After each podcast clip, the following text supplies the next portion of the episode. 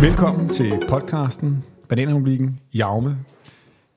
Jeg vil lige bede dig om selv at udtale dit navn. Yes, det er Jaume. Jaume.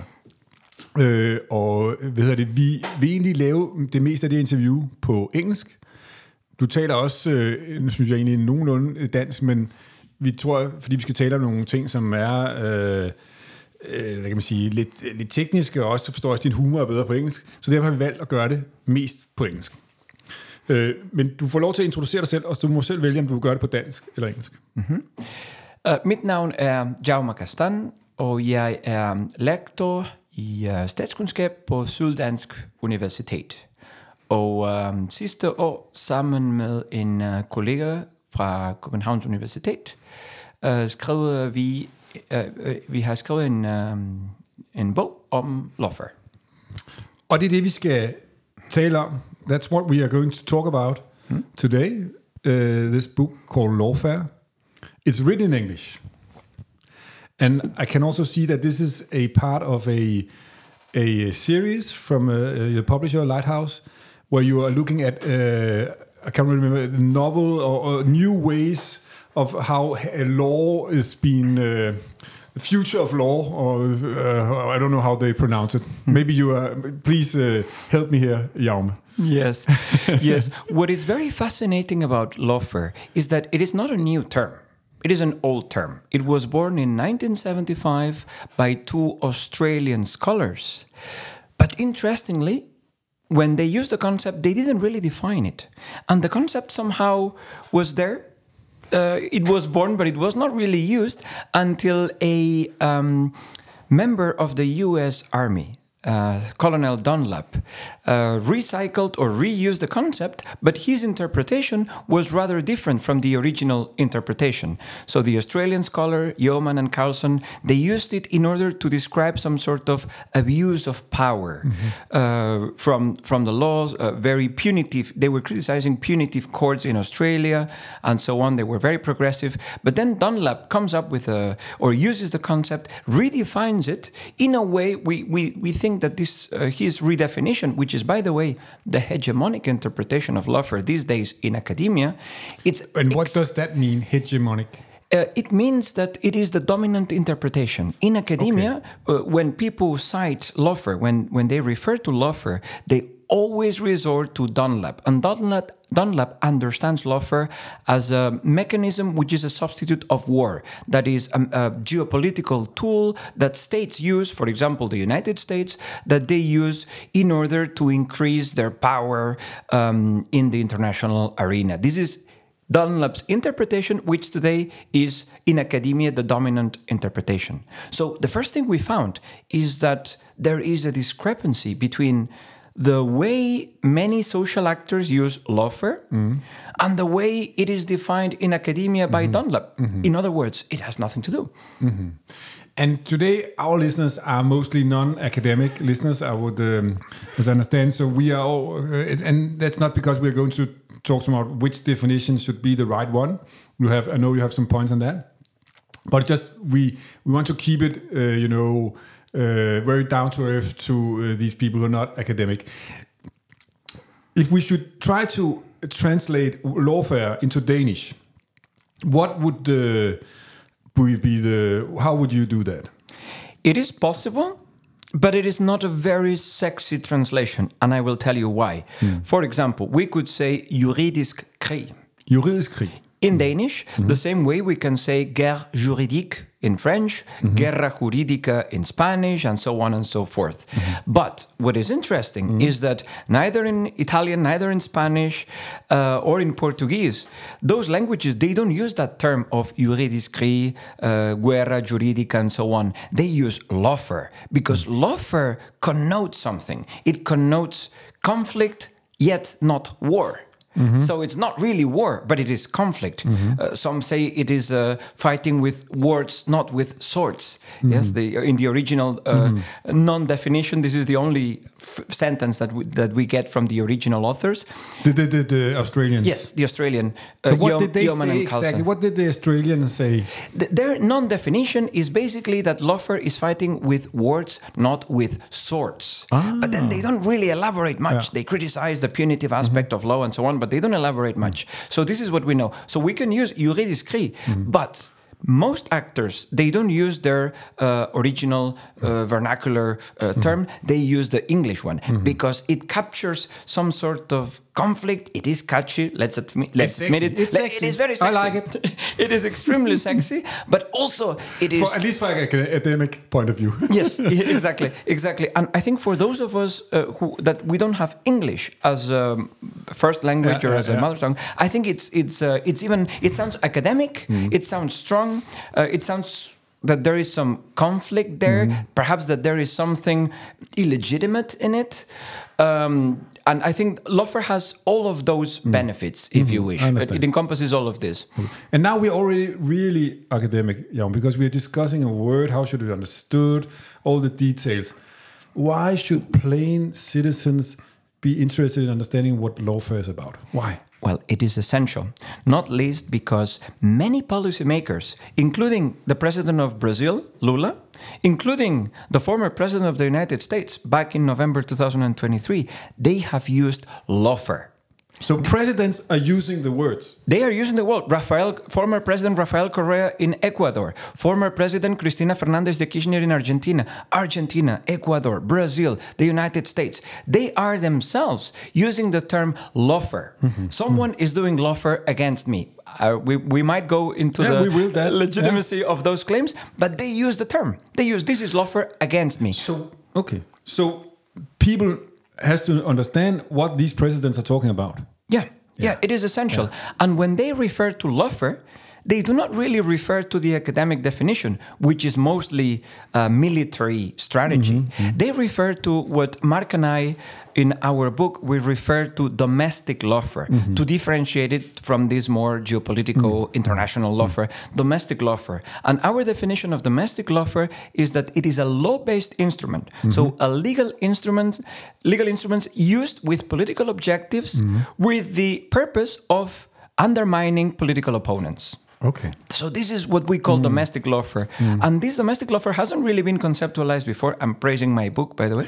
It hasn't really And been. we, ha- we have to we will do some marketing for that in the end. so um, this domestic lawfare is not really conceptualized. It is the dominant term that uh, political actors, journalists, social actors that they use, but we lack a definition because the definition of lawfare we have today from Dunlap, it, it has nothing to do with that. Understand. so uh, first of all, it is important that uh, Danish people, that uh, ordinary citizens, uh, become aware, become acquainted, opmerksom på, Yes, of this yes. concept because it is used by many different actors, including journalists, but importantly also by presidents when they complain about legal processes that they believe uh, that they are aimed at uh, targeting themselves in a non in a non-legitimate way. Okay, and we have to we will look uh, uh, further into what is exactly lawfare about and how different uh, ways it can be used.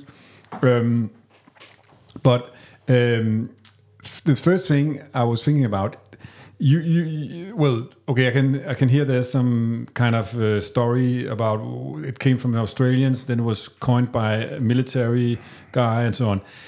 Uh, what and this is a weapon in a way, um, as I understand it. Um, this is, as I understand, also not the first time that a military, you know, technolo- technology afterwards is being used for civil purposes. Maybe in a you know a not so uh, uh, um, a little bit different way or so on, but but uh, it makes sense that uh, you know a weapon is is, is is developed in military and then you can use it for some more, domestic purposes. What do you say? uh, think about that? Yeah.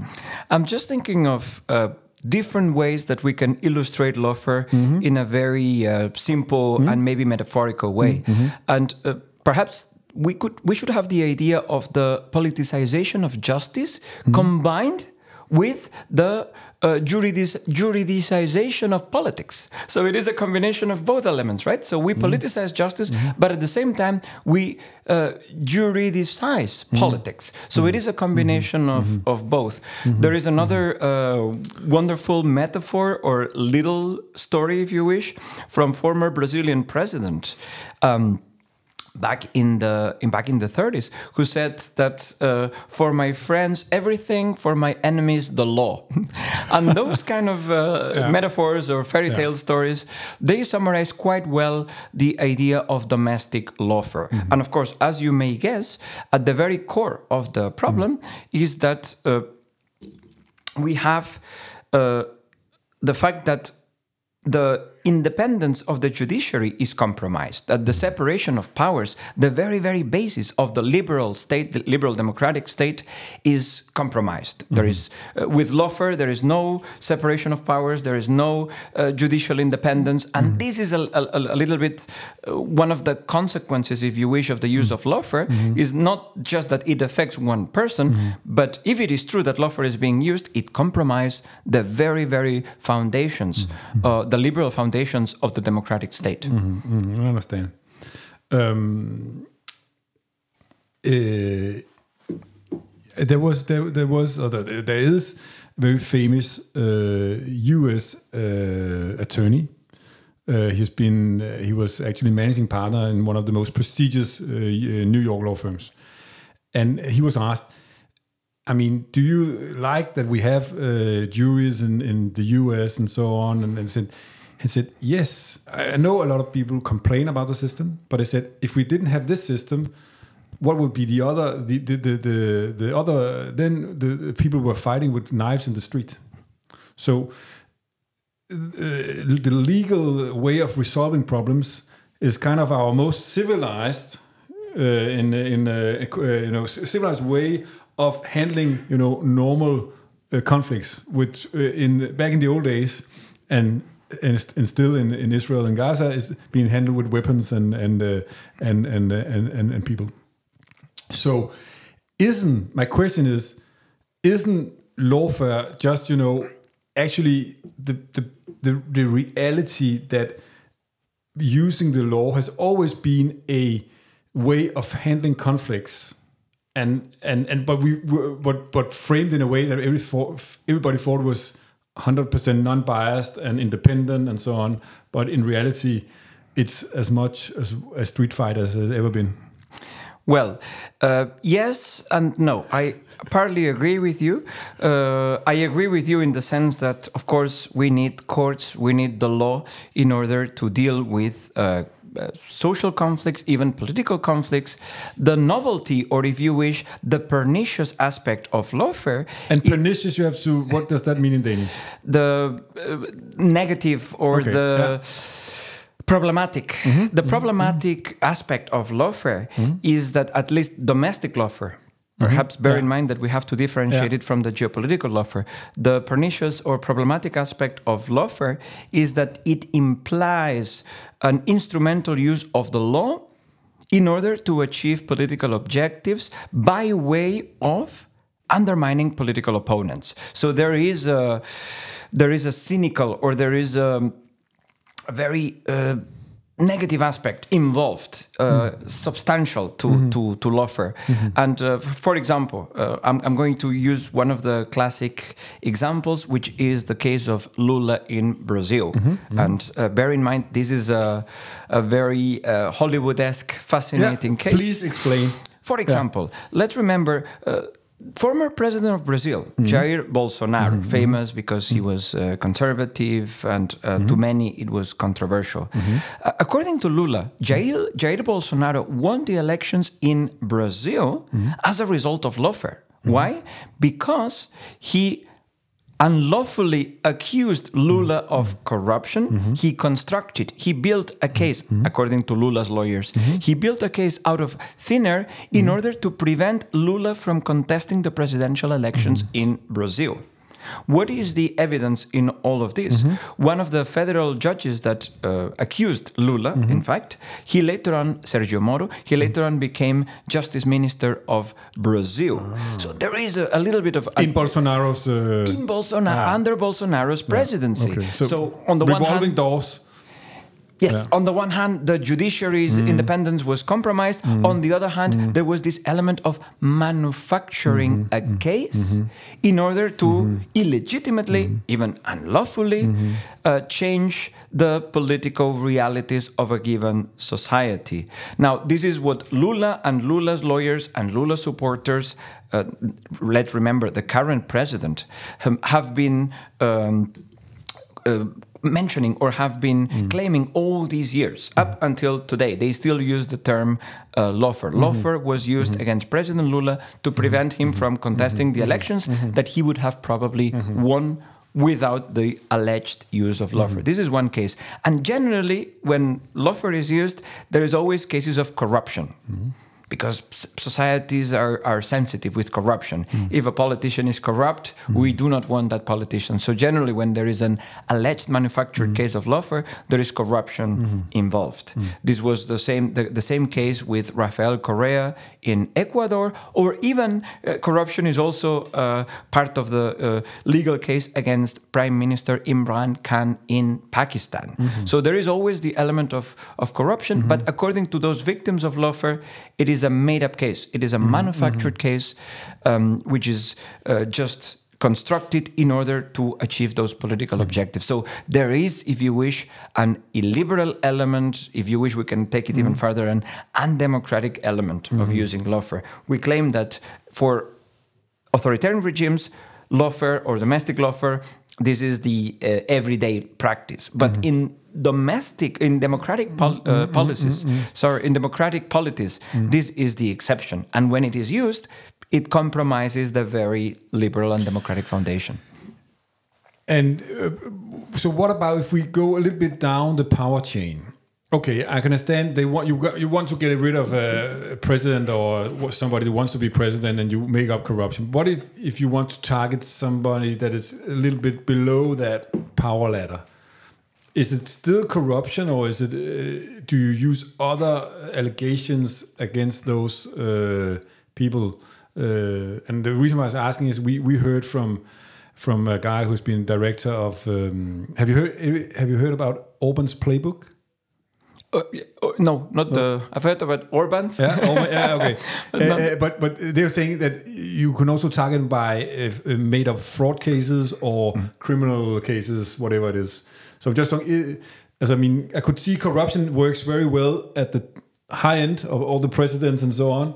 Uh, uh, yeah. So my question is, if there are other allegations that are the, the typical aspect when you when you want to target uh, some opponents. So let me give you a general answer. We go mm-hmm. back to our understanding of lawfare mm-hmm. using legal instruments in order to achieve political objectives. Mm-hmm. So that's the, our basic definition mm-hmm. of our mm-hmm. macro definition that let's say that can encompass all mm-hmm. different uh, dimensions of lawfare. So then the answer to your question would be if, if it fits in this definition is it a legal instrument used in order to achieve political purposes? Now if we want to apply it to domestic purposes with the objective of undermining political opponents those political opponents may be president's prime minister, or they may be activists, or they may be uh, uh, uh, ordinary citizens. So it doesn't matter the, the, the hierarchy level, it matters that there is this political objective uh, and the undermining of this political opposition or potential political opposition. If that is the case, then the answer is yes. Okay.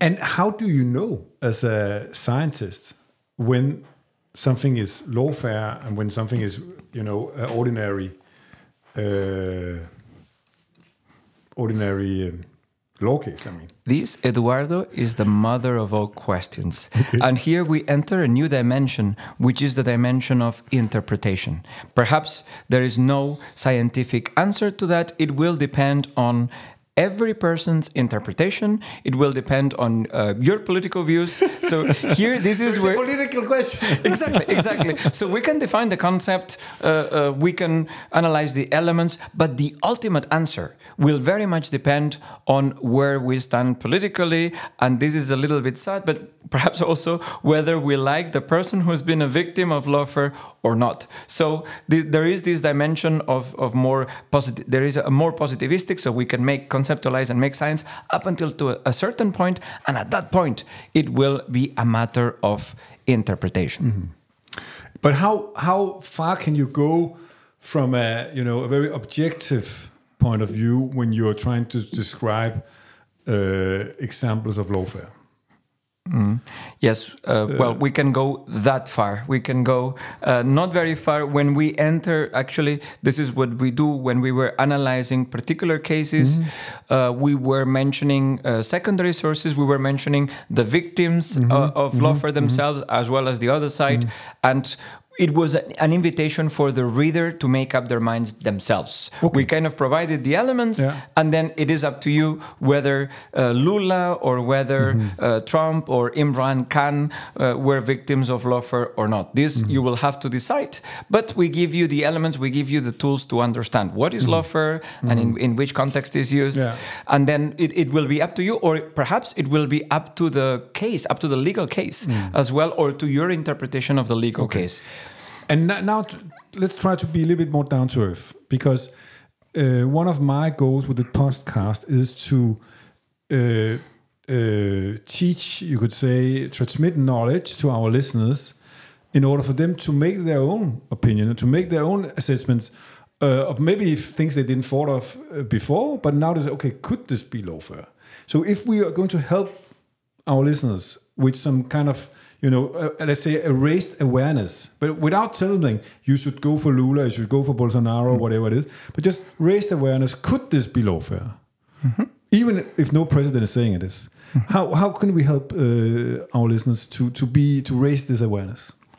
If um, people find evidence that the case is politically motivated, if we find evidence that this has been manufactured, that the evidence against those citizens or leaders uh, comes from out of thin air, that there is uh, some sort of uh, uh, legal manufacturing, construction, whatever the case might be, especially if the uh, if those citizens, those persons are after some years uh, legally uh, acquainted or they, they get away with, with the case uh, they, they are acquitted they are Ja, legally altså, acquitted bliver, uh, in Danish, uh, de bliver frifundet. yeah, Yeah. they get legally acquitted, Yeah. then we may very well be in front of a case of lawfare.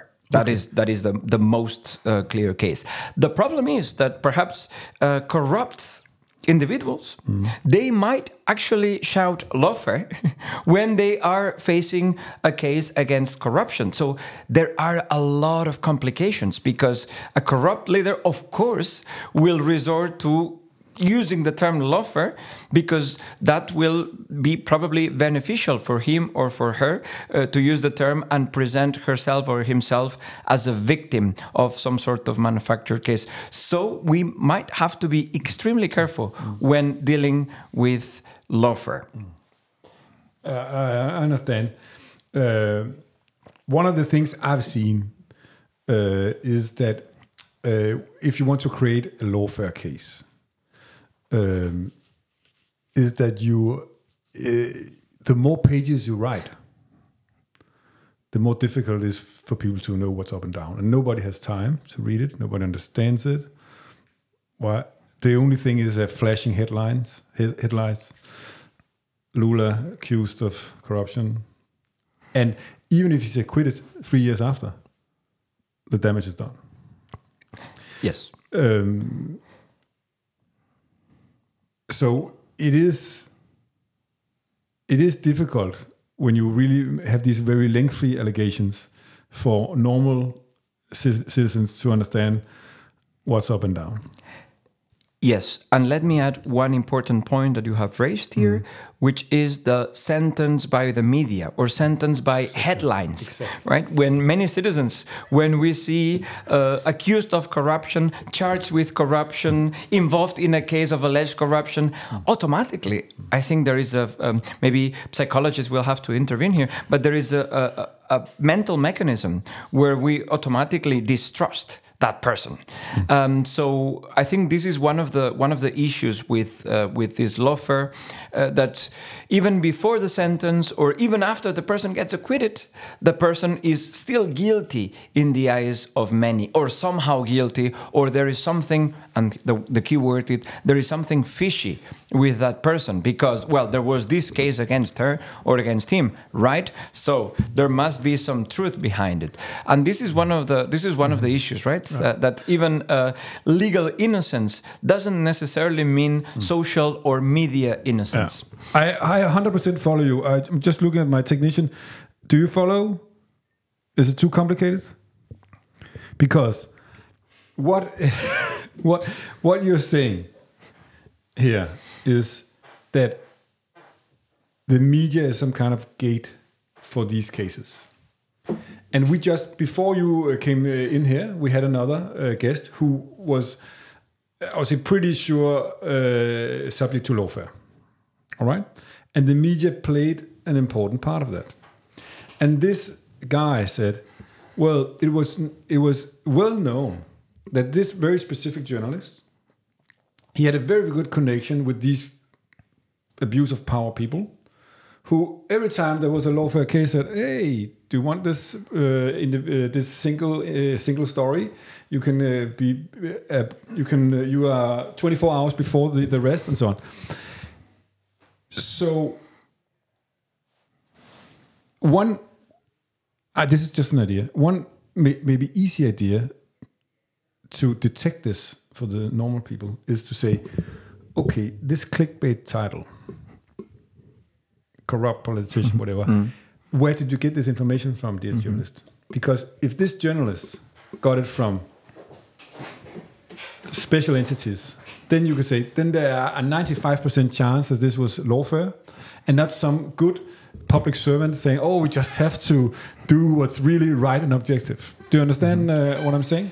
Yes, um, I do not want to go into the uh, small cases themselves, No, but no. what I will say is that many scholars in Latin America who are dealing with what we call domestic lawfare, they actually raise this point as well that the media or certain newspapers are very interested in. Uh, or they are a uh, constituent part of the case. By by blowing it up, by by building it up, by raising it up, by by emphasizing certain aspects, and I think that that is something that we need to take into account, right? That it's not just a court case; that there are different dimensions, and the media dimension, the social dimension, it is also a very fundamental uh, core part of lawfare. So I do not I, I do not want to uh, be involved in the uh, individual specific cases, but generally, um, it, this is an argument that, that it has been made before that the media plays a part, and specifically uh, headlines, and specifically the way we frame those headlines or the way some journalists frame those headlines. They, it, this could be uh, already um, uh, an essential part of the whole lawfare, allegedly lawfare case. But then, if I was this, you know, ordinary citizen, didn't know anything, just wanted to know was this a real case or lawfare case, then and I saw this clickbait title on some kind of media. If then, if I just asked one question to this newspaper or media, I said, "Where did you get your information from?" You Yes. understand? Because in uh, what, what I'm saying is, it you could probably weed out a, a very huge amount of lawfare case because if they play along, a lawfare case without the media is no lawfare case. Yes, in many regards, that's right. Uh, an essential part of lawfare is to undermine that opposition in a, in the public space and, and in uh, in the Even 20 if you're acquitted three years after. Who cares? It doesn't really matter because uh, the uh, acquittal process will probably not gather that many uh, uh, clicks or th- those many the, the, the reads. It's not a sexy story from Who a was journalistic perspective. Who was this guy? yeah, yeah, exactly, exactly. And even if uh, uh, they do publish, because sometimes they do not even publish that, even when they do publish it, the damage is already done. The reputational damage, in many regards, it's already. uh, Lula lost. Uh, yes, what in, in his case, this represents a, a fascinating case of a comeback rising from the ashes, and perhaps, but this is also very much connected to his supporters uh, staying uh, loyal to his uh, political ideas or to his charisma or to whatever uh, the case might be. But many of his opponents and this is interesting, they continue claiming that this is a corrupt politician and, and they continue using um, the arguments uh, against uh, him. So, this is important to, to take into account that for the opponents, in the eyes of many of the opponents, he is still guilty of the crimes that uh, he was uh, charged with uh, initially or sentenced for initially. Yeah, yeah. Uh, and that's, I mean, I, I, in my view, it's this is more and more this very we have seen it very much in the U.S. This bipartisan political climate that you mean it's so dogmatic that n- no matter what, each party will have their own opinion and they will never change that and it'll be continue forever, even if the Supreme Court says it's different. So you cannot change that. It's uh, that's how it is. Um, And this is a, I'm, I'm just thinking that this is a general reflection, right? That I this- hope not. I hope the younger people they will not be as dogmatic as the, the guys who are in charge of our countries. I have serious doubts about this. I'm generally very Why? cynical. Why? I'm very cynical in general. But I, th- th- this, this is a fascinating case, right? That the sentence from the media might be much more powerful than the sentence of any Supreme Court, Mm-hmm. right? And, and it's done. And there is no way to, or it's extremely difficult to challenge it. But that's why podcasts are very important. And I'm not talking about our podcast. This is not about it. We will, fra- we will but I'm just saying there's no media filter. In the problem is that in many media there are filters. It's old, old way of doing it, and of course, if um, it's very easy. If you have some some medias who have a very good connection with some people with power then of course they will always write about these lawfare cases because they know then they will also receive the next lawfare case. And it sells newspapers or whatever. Now newspapers maybe not so important but whatever it is clicks. Yep. so if you start creating a new media picture where there is a more direct way of doing this instead of these journalists just trying have their secret sources and wants to have these connections with the, then it could be a, a tiny hope that Yes. um, yeah And in that regard, perhaps we can connect podcast with some independent media and we can connect that to the Brazilian case. It was the Intercept, an independent media outlet, uh, the one that conducted the uh, investigation, the media investigation, where they found out all these very strange deals between uh, former President Jair Bolsonaro and uh, then uh, uh, federal judge uh, Sergio Moro. And i- this investigation, this media investigation, it was not done by the uh, big the newspapers, big corporations, uh, established media. It was done by independent, uh, uh, by an independent media outlet. So maybe if you want to see some light at the end of the tunnel, if you want to be positive, perhaps the uh, task that you guys from podcast, that independent uh, journalists uh, do, that uh, small media outlets do, I think this is the ones that uh, we should praise precisely beca- because they are not connected to power and they are able to challenge those power discourses in a much more uh, well effective manner. um, I could also put it another way.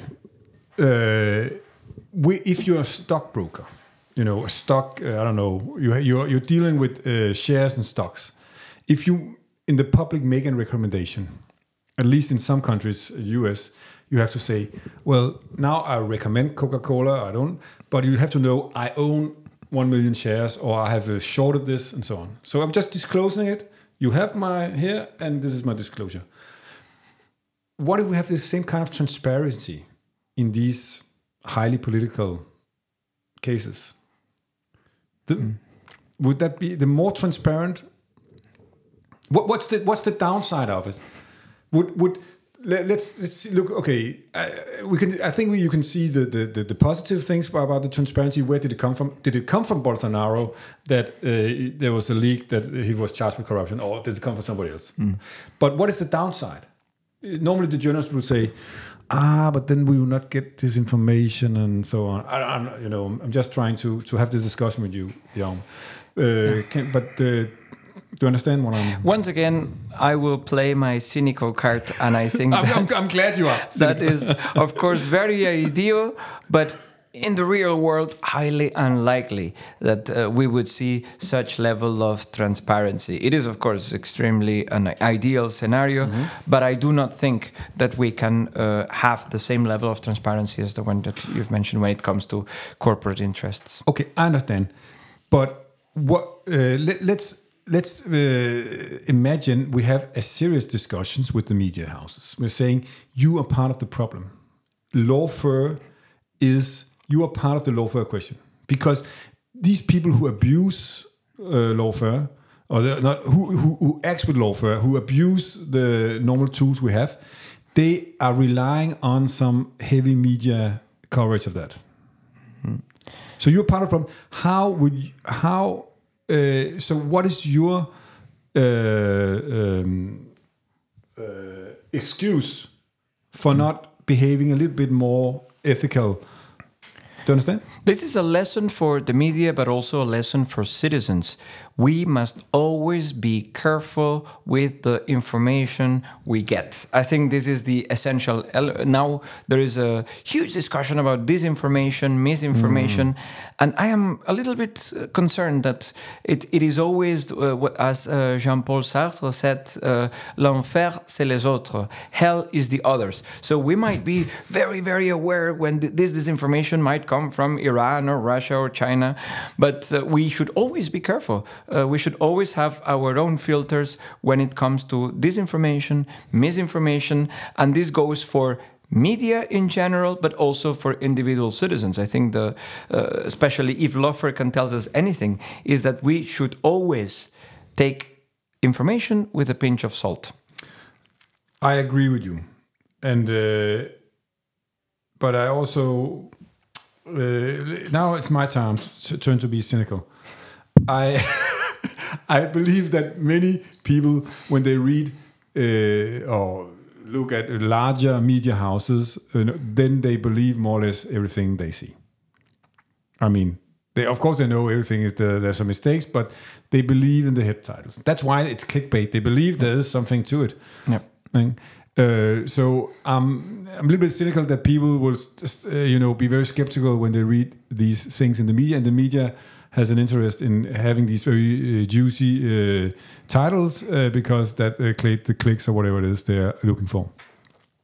So even if in the ideal world we uh, we have these very uh, critical citizens, um, I think it could be some kind of what do you call it when you when you buy a product and there's this alert, warning, you know extra thing like health. yeah, yeah you understand. I mean, it comes. You know, there comes there, there comes something to it. Uh, be, um, I'm just looking for a. I'm just looking for to make it easier for normal people to understand if this is lawful or not. If if you as scientist have difficulties finding out, and in the end you're saying it's a kind of political question more or less, uh, then we know we will never we will never have a scientific formula saying you put all these information into this and this is lawfare it's not lawfare. Then we, we, we need to have at least just more informed citizens. And we have mm. to help them to get this information and then they must make their own political decisions. Do you understand what i'm yes. Um, once again going back to this how can we decide whether it's lawfare or not uh, in some cases, and those are very, very rare and very few, we may have a court, like for example in Brazil, uh, where that acquitted Lula in the end of the corruption charges. So in this case, we may have more elements to conclude that Lula may very well have been a victim of lawfare, provided that in the end he got acquitted. So this is the easiest answer to that. Uh, there might be cases where this doesn't happen, and then the question might still be open. But maybe we should embrace the beauty of interpretativism. We should embrace the beauty of that in social sciences, very often we cannot really decide whether something is uh, black or white. This is uh, maybe maybe we should embrace that beauty and we should embrace that level of uh, ambiguity. Uh, ambiguity. Maybe we shouldn't be too um, concerned about that ambiguity. I understand, but but uh, I, I've, I've been practicing as a lawyer, and you win cases, you lose cases, mm. and you cannot say every time you win a case, then hey, it was lawfare against the other party. I mean, in in in, the normal world, you have these fights, you litigate, you mm. find out a solution. That's it. The law lawfare problem is that they kind of they want to create the result before you have the the, the final result. Mm-hmm. And and and we have if when it's when we're talking about criminal cases and in a legal context, then you are innocent until proven guilty. So actually, no, there should be no real serious media cover about Lula is charged for corruption. Lula is, uh, you know, uh, investigated. Should be uh, no, he is innocent until convicted, and that's the end of it. Yeah. but that's not how it is. Yeah, and the problem in his case is that he was actually sentenced and he spent Oh, yeah, right. relatively Yeah, long yeah. time in, in jail, a few years in jail. So um, yeah, but once again, this is the this is the, the reality we live in. And by the way, uh, as we said, we have to dif- differentiate the legal and the political. So in, in his case, he has been very lucky because he was able to win legally Mm-hmm. and win politically. But it could be very well the case that in, in, in other cases, the, a person might win legally, but then it's too late, or Mm. then he's out of, or she or he Mm-hmm. is out of politics already. So it doesn't uh, really uh, um, matter the legal Mm. Let me also illustrate this. If we, we haven't really discussed the geopolitical aspect Mm. of uh, lawfare, and I think it's it's still important to mention it. And here in the geopolitical aspect, we see that sometimes legal victories do not translate into political victories. I have uh, we analyzed two examples in the book: the legal victory of Nicaragua versus. Um, the United States. Um, I think that was in the International Court of Justice. The International Court of Justice ruled in favor of Nicaragua, ruling that indeed the United States had helped the Contras, that is the uh, terrorist groups in Nicaragua, and the United States had unlawfully used uh, mines against civilian harbors. This was back in 1986. The, United, the Nicaragua won. The United States lost. What was the political consequence? Nothing.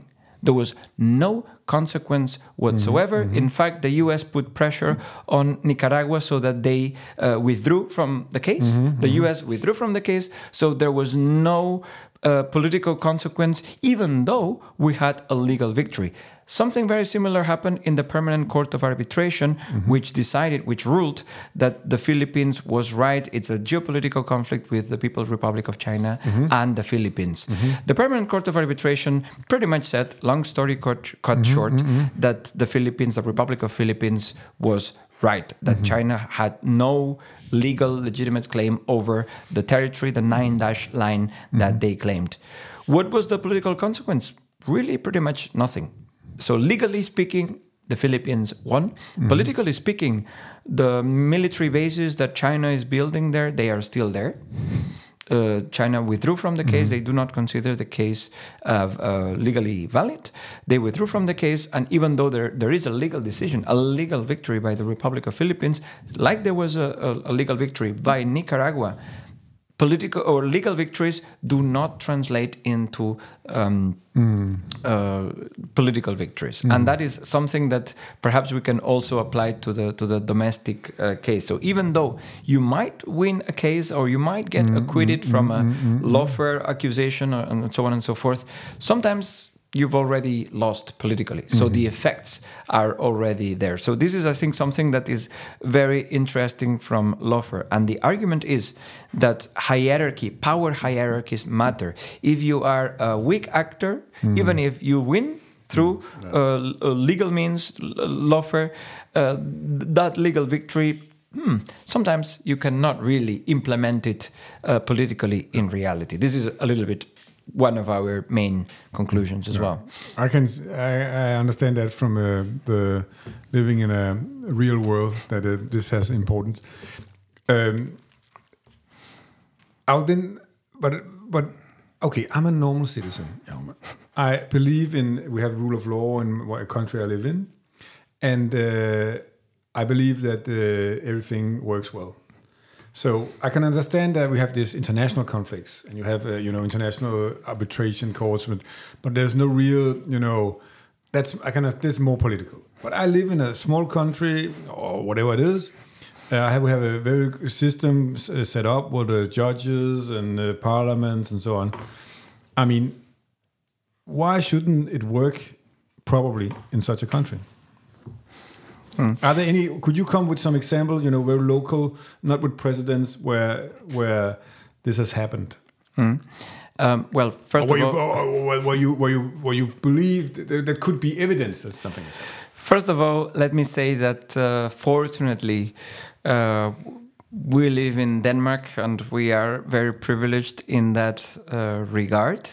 As we said earlier, where we have cases of domestic lawfare, this this is a concern. It is not ideal. So perhaps the fact that we do not have, to the best of my knowledge, cases of domestic lawfare in Denmark. Denmark, of course, is involved in geopolitical lawfare. For example, when you issue sanctions against another state, that's geopolitical lawfare, but that's something else. Um, but in the case of domestic lawfare, as to the best of my knowledge, there is no cases of domestic lawfare in Denmark, and this is something we should be happy for. This is something that it, that should be praised. So uh, you ask me whether we have cases. I do not think we have cases of domestic lawfare, and that's a good thing. And we should be happy about it. We should be, uh, and, and it should uh, it should be like this in an ideal world, in an ideal scenario.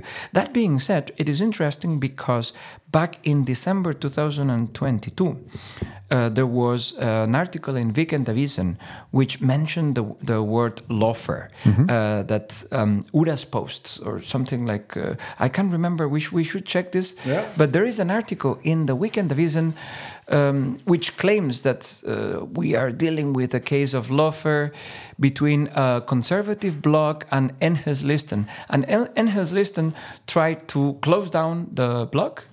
And then there was an article in Weekendavisen claiming that um, that uh, cl- the closure of that website was somehow lawfare.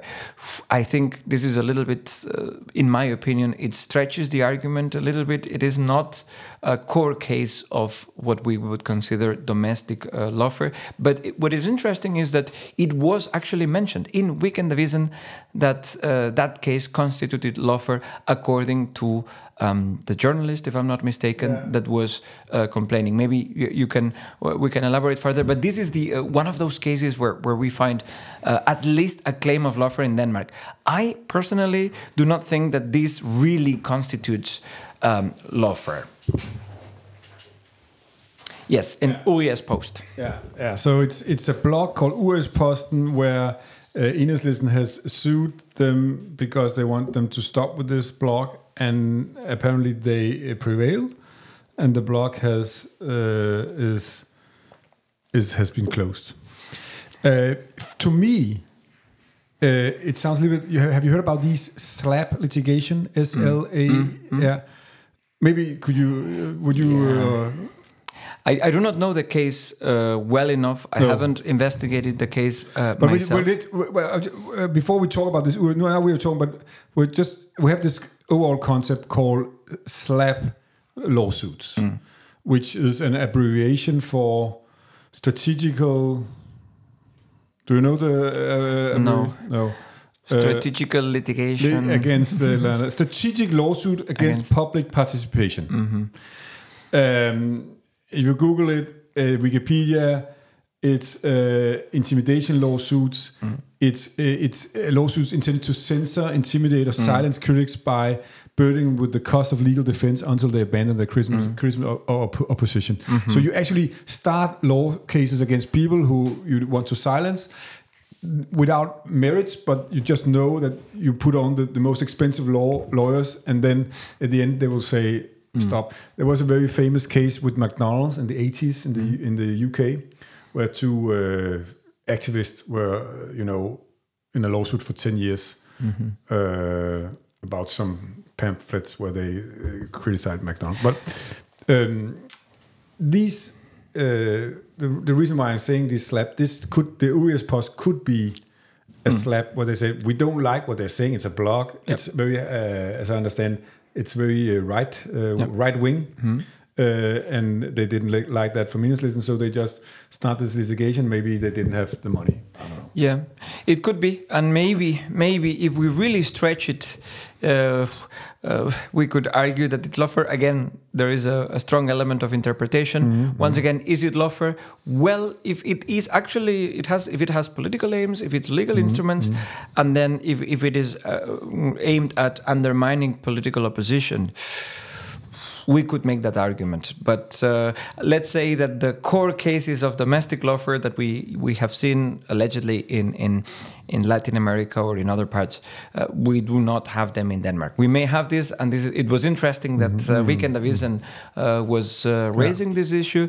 So, yeah, maybe we have some elements, some new elements for, for research and for discussion here. And when you're saying that, uh, to your knowledge, there are no Danish uh, examples besides this, how do you base this uh, investigation? I mean, how how Well, I I think it's it's um, we were focusing on, uh, if you wish, uh, not ordinary. So maybe some some people will claim, well, actually, I was a victim of of lawfare and so on. So perhaps there was.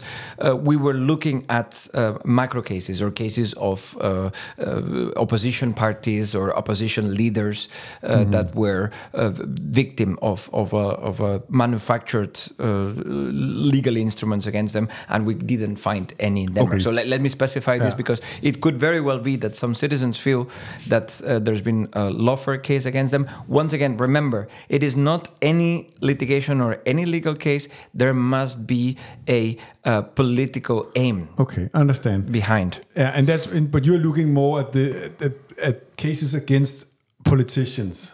Absolutely. So Yeah. that's not your normal focus has Yes. been on the domestic level. That was that was the Yeah. case. That was. and I uh, agree with you. There are very few cases against politicians. We had this rigsretssag with Inger Støjberg uh, once, and uh, we had this uh, against Claus Hjort Frederiksen, which was dropped. Uh, that could be. Yeah. Have you looked? It could, I haven't looked at this, no, but no, this no. could be. And yeah, our main focus was especially people organized in political parties, Yeah. opposition parties, Yeah. uh, namely opposition parties that could actually uh, challenge uh, those parties in What- power. okay.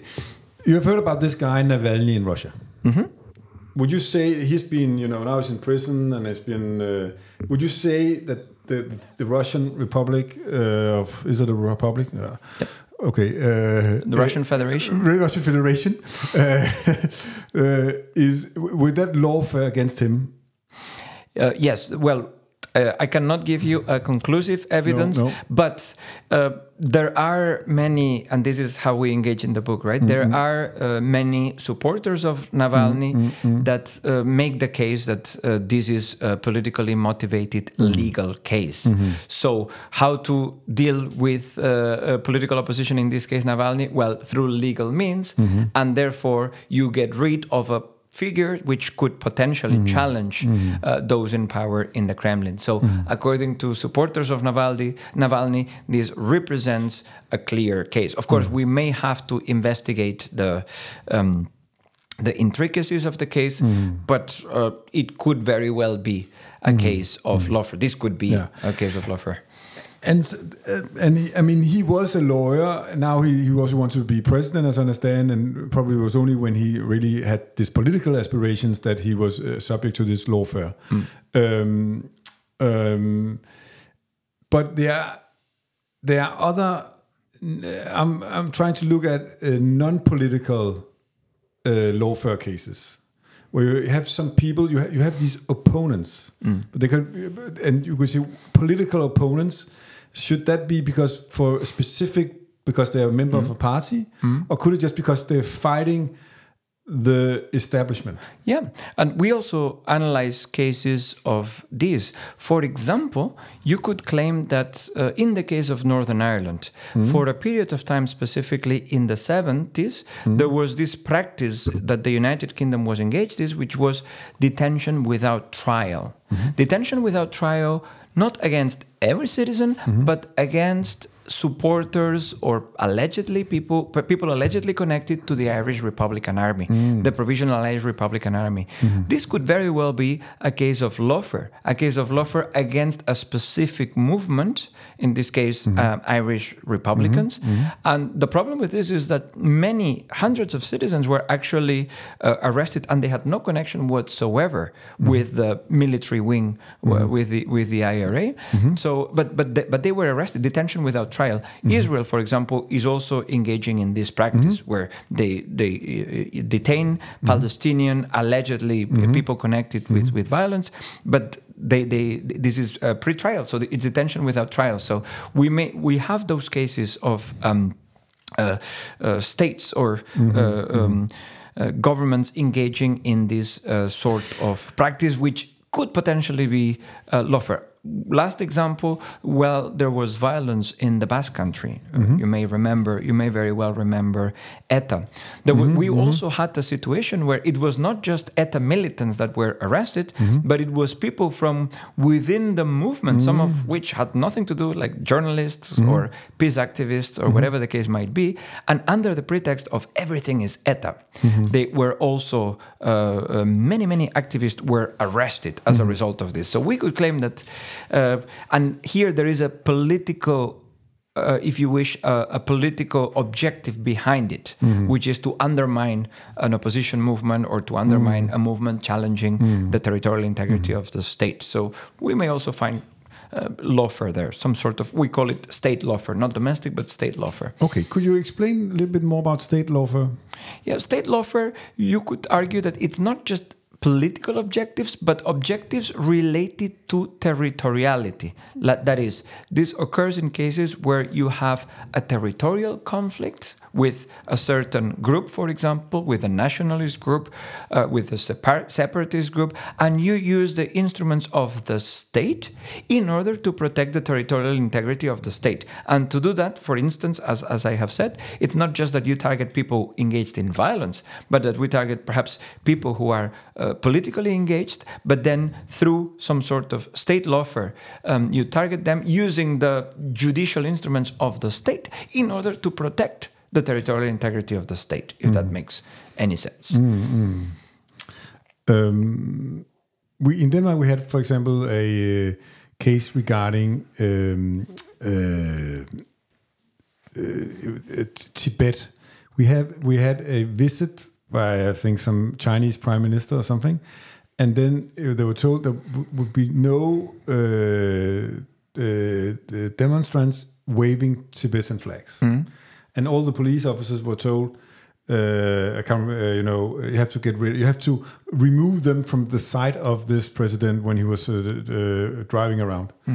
Um, this was, you know, in a way, was not against the political opponent. Of course, it was a political opponent of this guest they had in Denmark. Would that be? Could would that also be uh, lawfare in your definition? Yeah, well, uh, I think, uh, of course, with that very um, wide definition that we provide, if uh, legal instruments were used, and if there was it, this seemingly is yeah. a political objective that could very well uh, be lawfare. But of course, now we are really stretching it. We Yeah. are departing from from from the core of lawfare, and then we are really uh, focusing on the wings, if you wish, or on the extremes of of the definition. So we can of course push it, and but yeah, let's say that we didn't go that far in our book. I understand. I understand. Um, do you think lawfare will be a part of the future? Absolutely. I have uh, no doubt. And we have, as I said, very recent examples, uh, as recent as November 2023.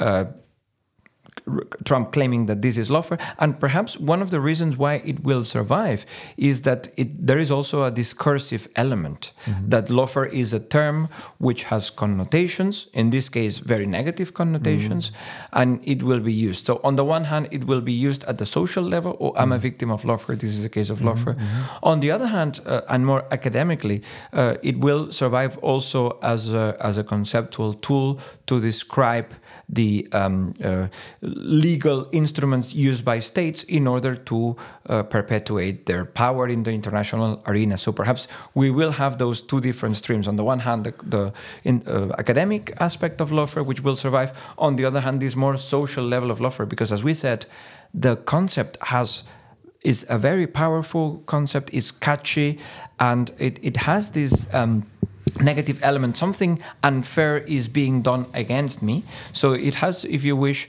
uh, quite a lot of discursive power. So if i had to guess i think lawfare has a, a very bright future. Yeah, bright okay. And what uh, what are the ingredients? What what is the what kind of ecosystem do you need for lawfare to survive Hmm. Uh, maybe we have to differentiate. We were talking a lot about uh, as a conceptual mm-hmm. tool as well. So uh, I think because we have different types of lawfare, different dimensions of lawfare, as mm. we have discussed. If we're talking about domestic lawfare, mm. uh, the ecosystem is a system in which perhaps there is some sort of democratic backsliding, where there are uh, where political opponents are being uh, legally uh, persecuted mm-hmm. and so on. So this is the, if you wish, the, the ingredients for domestic lawfare uh, to emerge. If we talk about, geop- can I stop for a moment? Yeah? Because if you have, let's say, a democracy mm. in kind of some kind of way, uh, then of course you have political opponents, mm. but you know maybe five years from now they will be the uh, they will not be uh, opponents they will, they will, still be your opponents yep. but they will be in power and so on. it will change you know mm. every four three five year so uh, a system with political opponents will always be there but it, normally it changes you know from left to right uh, and that's healthy it should be um, so so I mean, uh, very recent example. Two days ago, actually in Poland.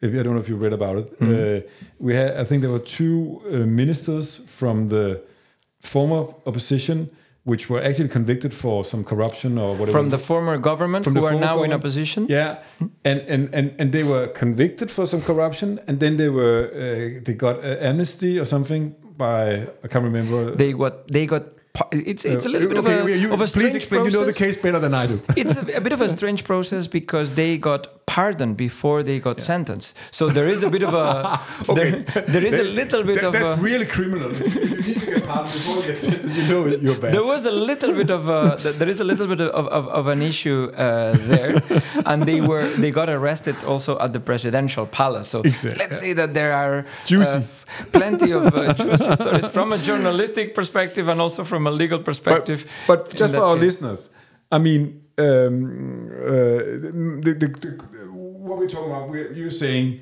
well, what I'm asking you, what is the ecosystem for? Now we're just focusing on, on domestic uh, mm. lawfare. Mm.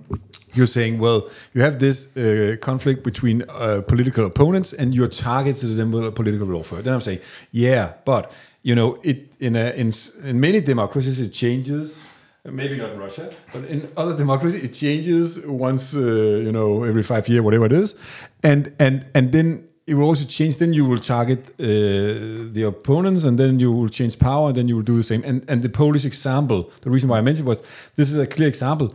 They were in power, they got pardoned. Now it changed. They're in power, and now they're being arrested in the presidential palace. So I mean, it's really showing this it's lawfare, isn't it? Mm-hmm. Come yes. on. yes. So again, in the ideal scenario of a liberal democracy, yeah.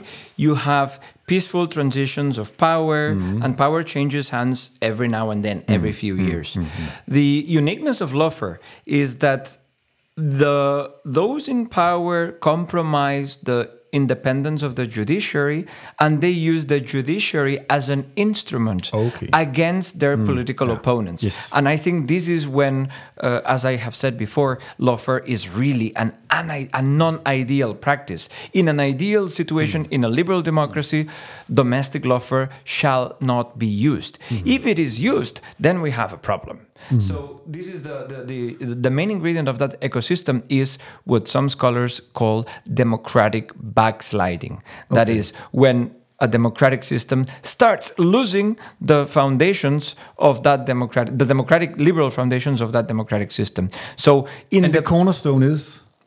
And the cornerstone is that the judiciary loses its independence mm-hmm. and that the judiciary is instrumentally used against political opponents. I think this is the key aspect. When the judiciary is independent, when it works it on its own, uh, uh, with its own autonomy, that is absolute. That is the the mm. uh, um, the right way, if you mm. wish. Mm-hmm. However, when that judiciary becomes an instrument mm. of an executive, for example, this is where we have a problem. And again, without entering into the into the Polish discussion, let's say that uh, there were some authors before that were accusing the former government government of uh, Morawiecki, Prime Minister Morawiecki, and as well as the uh, President Duda, of compromising the independence of the judiciary Exactly. in Poland. Yeah, this is what. uh, and they have been sentenced now also by the European Court. So it's Yeah. pretty clear that Yeah. many things happen there. Uh, so, so this cornerstone you're Yeah. talking about. Oh, I'm taking your word. Sorry. that this is i would say that this is perhaps not necessarily lawfare but this could very well be what uh, embryonic embryonic lawfare when you actually start compromising from a very structural way that independence of the judiciary when you actually uh, appoint your own people and sack and fire overnight in the polish case when you fire overnight uh, judges from the constitutional court that are not uh, judges that you like so we may have seen embryonic elements of lawfare there and um, but i think the recent case it's a little bit too early to, to analyze Of course. but there are As you say, we will only know if it's lawfare if they're acquitted. exactly So we have to wait. But but I think you're touching some real two really important aspects. For um, you know, I'm always trying to make this understandable for our listeners. This is really complicated interview. Uh, not co- you know, for our listeners, this, this is really technical. Eh? Just saying. So I want to really make it down to earth. So you're saying, but you the two very important things are, and as are here. Uh, first, the the the um, it is very difficult to know when something is lawfare, even if you're a specialist. It is All a matter of interpretation very Yes, often. yeah, and and you know, so it's not like math. You know, you can just put two dots, um, but there are some signs you can look at, Yep.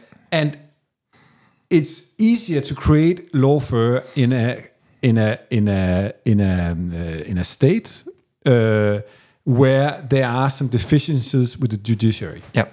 because they are the cornerstone. They are uh, if they work properly, then you cannot use lawfare, but the, because in the end you you will win. Yep. God. This Oh, could be the main conclusion of today. And I that agree, uh, hundred percent agree with you. that it is essential Yeah.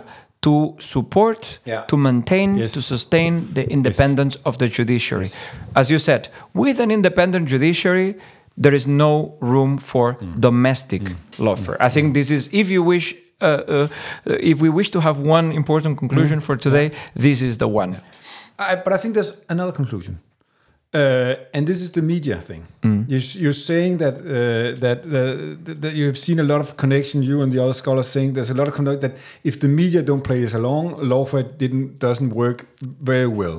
Uh, uh, it, it could work very it could Yeah. work well but let's say the media plays uh, can play a role in terms of uh, because of course the legal process is there and that uh, Yeah. opponent can still go to jail so Yeah, so lawfare can still work without the media but the media works as some sort of double sentence Yeah. uh, a double a parallel sentence if you wish that cannot be legally confronted yeah. Also because I mean, normal litigation drags on and takes a long time. Yep. So so if you're just waiting for the final verdict, then you can uh, you can uh, be president and uh, lose presidency before you have a, a, a judgment.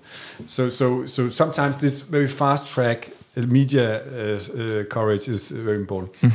Another uh, conclusion. So we have this Yeah. the importance of the media. Another conclusion is that we should remember that there are different dimensions of lawfare. Uh, most of our discussion today has been about domestic lawfare. So domestic lawfare is the term that uh, it is being used today in the media, in uh, by uh, policymakers and so on. But there is another dimension of lawfare, which is the geopolitical lawfare, which is dominant in academ- in academia. So it is important to differentiate these different dimensions. I understand. Um, you use it against political opponents, but does but what is a political opponent? I mean, couldn't just be an opponent against the prevailing power. Mm, That is exactly what we understand as a political opponent. Okay. Yes. So, because let's say we the guest we had before you mm. today, he said "Uh, we have a big problem with we have the more and more bureaucracy, mm. and the more and more bureaucracy, the bureaucracy they, they want to remain keep their power. Mm. So e- everybody that wants to prevent bureaucracy is actually an opponent to bureaucracy. And who sits on the? Uh, I'm just now okay. And who sits on the power? The bureaucracy. So if a, if a state power is using lawfare against all people who are actually trying to reduce the state power, is that lawfare? Phew, um, I was not there in the previous interview, so it would be very difficult for me to um, uh, to draw a conclusion. I I, Yeah. I missed that discussion. Yeah. Uh, but let's say that on the one, domestic lawfare is specifically focused on opposition to executive. So it's this is where, where we are. Um, Executive power. executive power. Yes. So, so people who are in opposition to executive power. Yes. So this is our focus. Okay. We haven't. Uh, we didn't really And make. who are they normally? Who are We're normally- talking about, uh, in some cases, prime ministers, in other presidents. So depending on the uh, Okay. system, but uh, prime minister slash uh, head of states, head of government, generally head of government.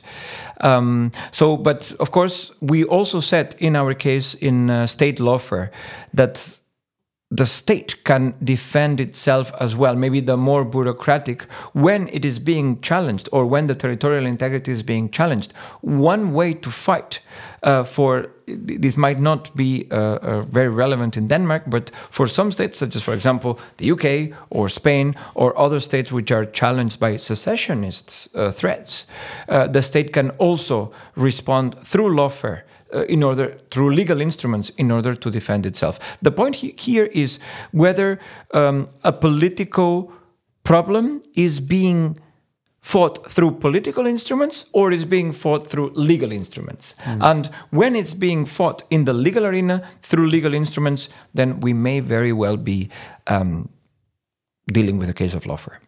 I understand. Then, of course, it's also difficult for Danish listeners to understand this because in Denmark we don't have this, you know, uh, more. Uh, we we have our division of power. This, uh, you know, normally you divide it in at least three: executive, judicial, and uh, uh, lawmaking, or whatever you call it. Legislative uh, is the right word. Um, and and in, in, in, in many other countries, you kind of have separate ways of gaining this power. But uh, you know, in Denmark we have parliamentarism, which you have in some countries where you, where you kind of the executive power is actually gained from the uh, legislative power. Where in U.S. in in uh, in Brazil and, and, and France, you have the presidents or you have who who gets direct Yeah. buy, uh, buy-in. f- Uh, and and there you maybe you see the conflict a little bit more, but in Denmark, we- where you have a country with parliamentarism, Yeah. the conflict is it's more difficult because Yeah. yeah, during, yeah. And maybe we haven't really investigated this, but it is perhaps there is a pattern that uh, in uh, most cases we have found that lawfare takes place in presidential systems. Not in parliamentary systems like most European states, but in presidential systems. We haven't investigated this, but we may find, we may have a correlation there.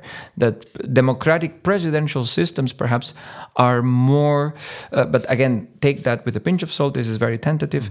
Uh, presidential systems may be more prone. Maybe I'm ve- I'm being very careful here. Maybe more prone. But it was uh, fascinating when I when I listened to you. our Danish listeners might not understand what lawfare is. Well, Danish listen. It's, it's also more difficult to understand the meaning of dictatorship when you don't when you do not have one. So, Exactly. So maybe it's a good thing that Danish listeners are not so acquainted, not so familiar with with lawfare.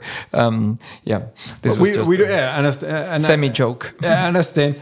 Uh, but but and and um, but what I'm trying to aim at, if let's say we have this coming from maybe a military background, you use it to uh, very geopolitical strategy to stop something with legal tools. As an alternative to military means. So As a- this is the a- this is the yeah, understanding. very, yeah, exactly.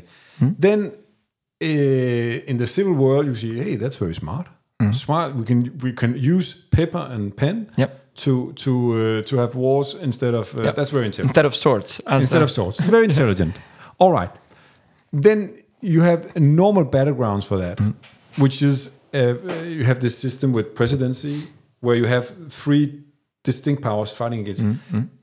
When you have a parliamentaristic system where the power is a little bit more intertwined, then lawfare is uh, you. I think you they will use lawfare, but just in another way, not so obvious as it is. I think also when you see the U.S., it's quite obvious Yep. what's happening. Yeah. I mean, uh, uh, but when you, when you have these other countries where it's more complicated, uh, the, the, the power, uh, how, how the power structure is, then lawfare is maybe conveyed in a different uh, fashion. And, it, and and just starting, we're starting from the military, and it's all some you know uh, some variations of a tool that you can use a paper and pen instead of swords. Um, I'm just thinking maybe it's not very relevant, but going back to uh, your question earlier on about the future of lawfare, as of today, I think today it's the 11th of January mm-hmm. 2024, we have a case of geopolitical lawfare in front of our eyes. Mm-hmm. And this is at the International Criminal Court, mm-hmm. when South Africa has actually issued a very, very clear. Uh, a, a very clear case of geopolitical lawfare. They are fighting against what they allegedly see as a genocide in Gaza. Through legal means, through the legal means of the International Criminal Court. So, whether it's the International Criminal Court, whether it's the International Court of Justice, whether it's the Permanent Court of Arbitration, those institutions are uh, potential arenas for actually geopolitical lawfare, where states fight against generally other states in a legal uh, or through legal instruments in order to achieve political objectives. So, in that sense, uh, my conclusion that the future of lawfare is bright, we see it even today. I understand. But how do you know that this is a lawfare case? Uh, it is a lawfare, but remember that when we deal with geopolitical lawfare, it doesn't have the negative connotations that we were discussing at the domestic level. Because at the international level, um, this is a a practice that all states engage with. That is, they use legal instruments in order to increase their power. The same way they use economic instruments, the same way they use financial, uh, political, diplomatic, military instruments. It's one of the several instruments that states use at their disposal. And it's not just South Africa. I would say uh, in nearly every single state uh, resorts to legal instruments in order to increase or in order to uh, perpetuate their power, in order to um, accomplish, attain their national interest. So this is very important that at the international arena, geopolitically speaking, lawfare does not have a negative, or I do not see a negative connotation because we just understand it as an instrument of power um, that states engage with. So, in that sense, when South Africa uses the ICC or any other states uses the ICC or the International Court of Justice, um, that is lawfare, and we should just accept it as a reality of international politics. I understand. This is very interesting. Uh, Jaume has written this book together with uh, Mark Friis Hau, Jaume Castan Pinos. They have written a, the book called Lawfare, New Trajectories in Law from Routledge. Um, is that now we have the listeners who have been listening to the podcast podcast have of course an an idea of what's inside this book. Jaume, what will they uh, get by reading this book besides what we have already talked about uh, today? Um, well, first of all, uh, they will get some. Uh, the, the first piece of information is that even though in the title we see new trajectories in law, uh, as, as, as, as, as I said before, lawfare is not a new term per se. Uh, some of its applications uh, might be new, and perhaps we had practiced before which were lawfare and which we didn't call lawfare, but which we today call lawfare. So, first of all, uh, it will be uh, it, they will discover uh, or they will learn about a term that is um, increasingly popular both at the domestic and as well as at the international level. And they will be able to um, uh, figure out what actually uh, what are what is the discussion about when they read about lawfare and they will read the term lawfare in the media in the forthcoming uh, months and and years. And maybe the the first uh, uh, one of the first uh, learning outcomes would be that they will be able to differentiate. Are we talking about lawfare at the domestic level as in Lula, Trump, Imra- Imran Khan, and so on? Or are we talking about lawfare at the geopolitical level? Mm-hmm. So this is perhaps the main uh, or one of the main pieces of advice that I have. Right? Let's mm-hmm. differentiate what kind of lawfare because. Both are called lawfare, mm-hmm. but we are actually talking about two different things. So, and maybe what my invitation is that we use an adjective before the noun lawfare, and that adjective in our case, we advise that it's a domestic lawfare or geopolitical lawfare. They are not perfect, but at least they allow us to differentiate uh, two different subdimensions of the same concept, lawfare. Okay, very interesting. Um, if people are interested in something that's very similar to their situation here in Denmark, I know you said there are no uh, cases of in Denmark, but are there any examples in your book where you have a parliamentarism system where you could see that lawfare probably has been made? Um, Yeah. Uh, the case that we analyze, the two parliamentary cases that we analyze, but again, it's not lawfare. Perhaps it's the embryonic Okay. part of lawfare. what Uh, is embryonic? embryonic is the um, initial Mm-hmm. uh, the initial steps or as uh, today people call it baby steps Mm-hmm. uh, so it's not the the final part of lawfare where a person gets let's say um, imprisoned as Mm-hmm. a result of, of lawfare but it's the initial baby steps. Mm-hmm. and this is uh, the cases that we analyze there are many authors that claim that both hungary and poland uh, where we have had those steps. We might not call it lawfare but we might call it let's say it's the um, it creates the ground for lawfare to emerge. When uh, allegedly according to some scholars uh, when you compromise uh, the independence of the judiciary it's not really lawfare but that, let's say that you open the door or you potentially open the door for um, uh, lawfare to emerge or you compromise the independence of the judiciary and by compromising the independence of the judiciary lawfare may emerge in the Yeah. future so this is the two examples in parliamentary systems And which were the two examples? poland and hungary Poland and Hungary. Poland and Hungary. Otherwise, the more obvious cases of lawfare, let's call it obvious cases of alleged lawfare, once again, uh, that we uh, identified, they took place in uh, presidential systems. Okay. Thank you very much for uh, enlightening us on this very uh, uh, difficult subject, I would say, but also very uh, in the future very important subject that we hope our viewers at least uh, maybe they will not be able to id- identify, but just have this in mind when they read something, when they see something that uh, that they maybe have to look in your book, of course, or uh, look further and get some more information.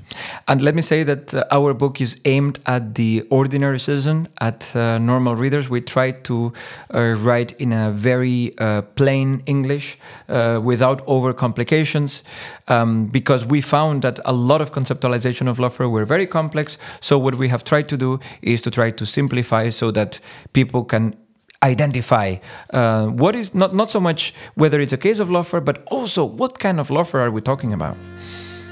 Tusind tak. Tusind tak. Ja, Det var en fornøjelse. i lige måde.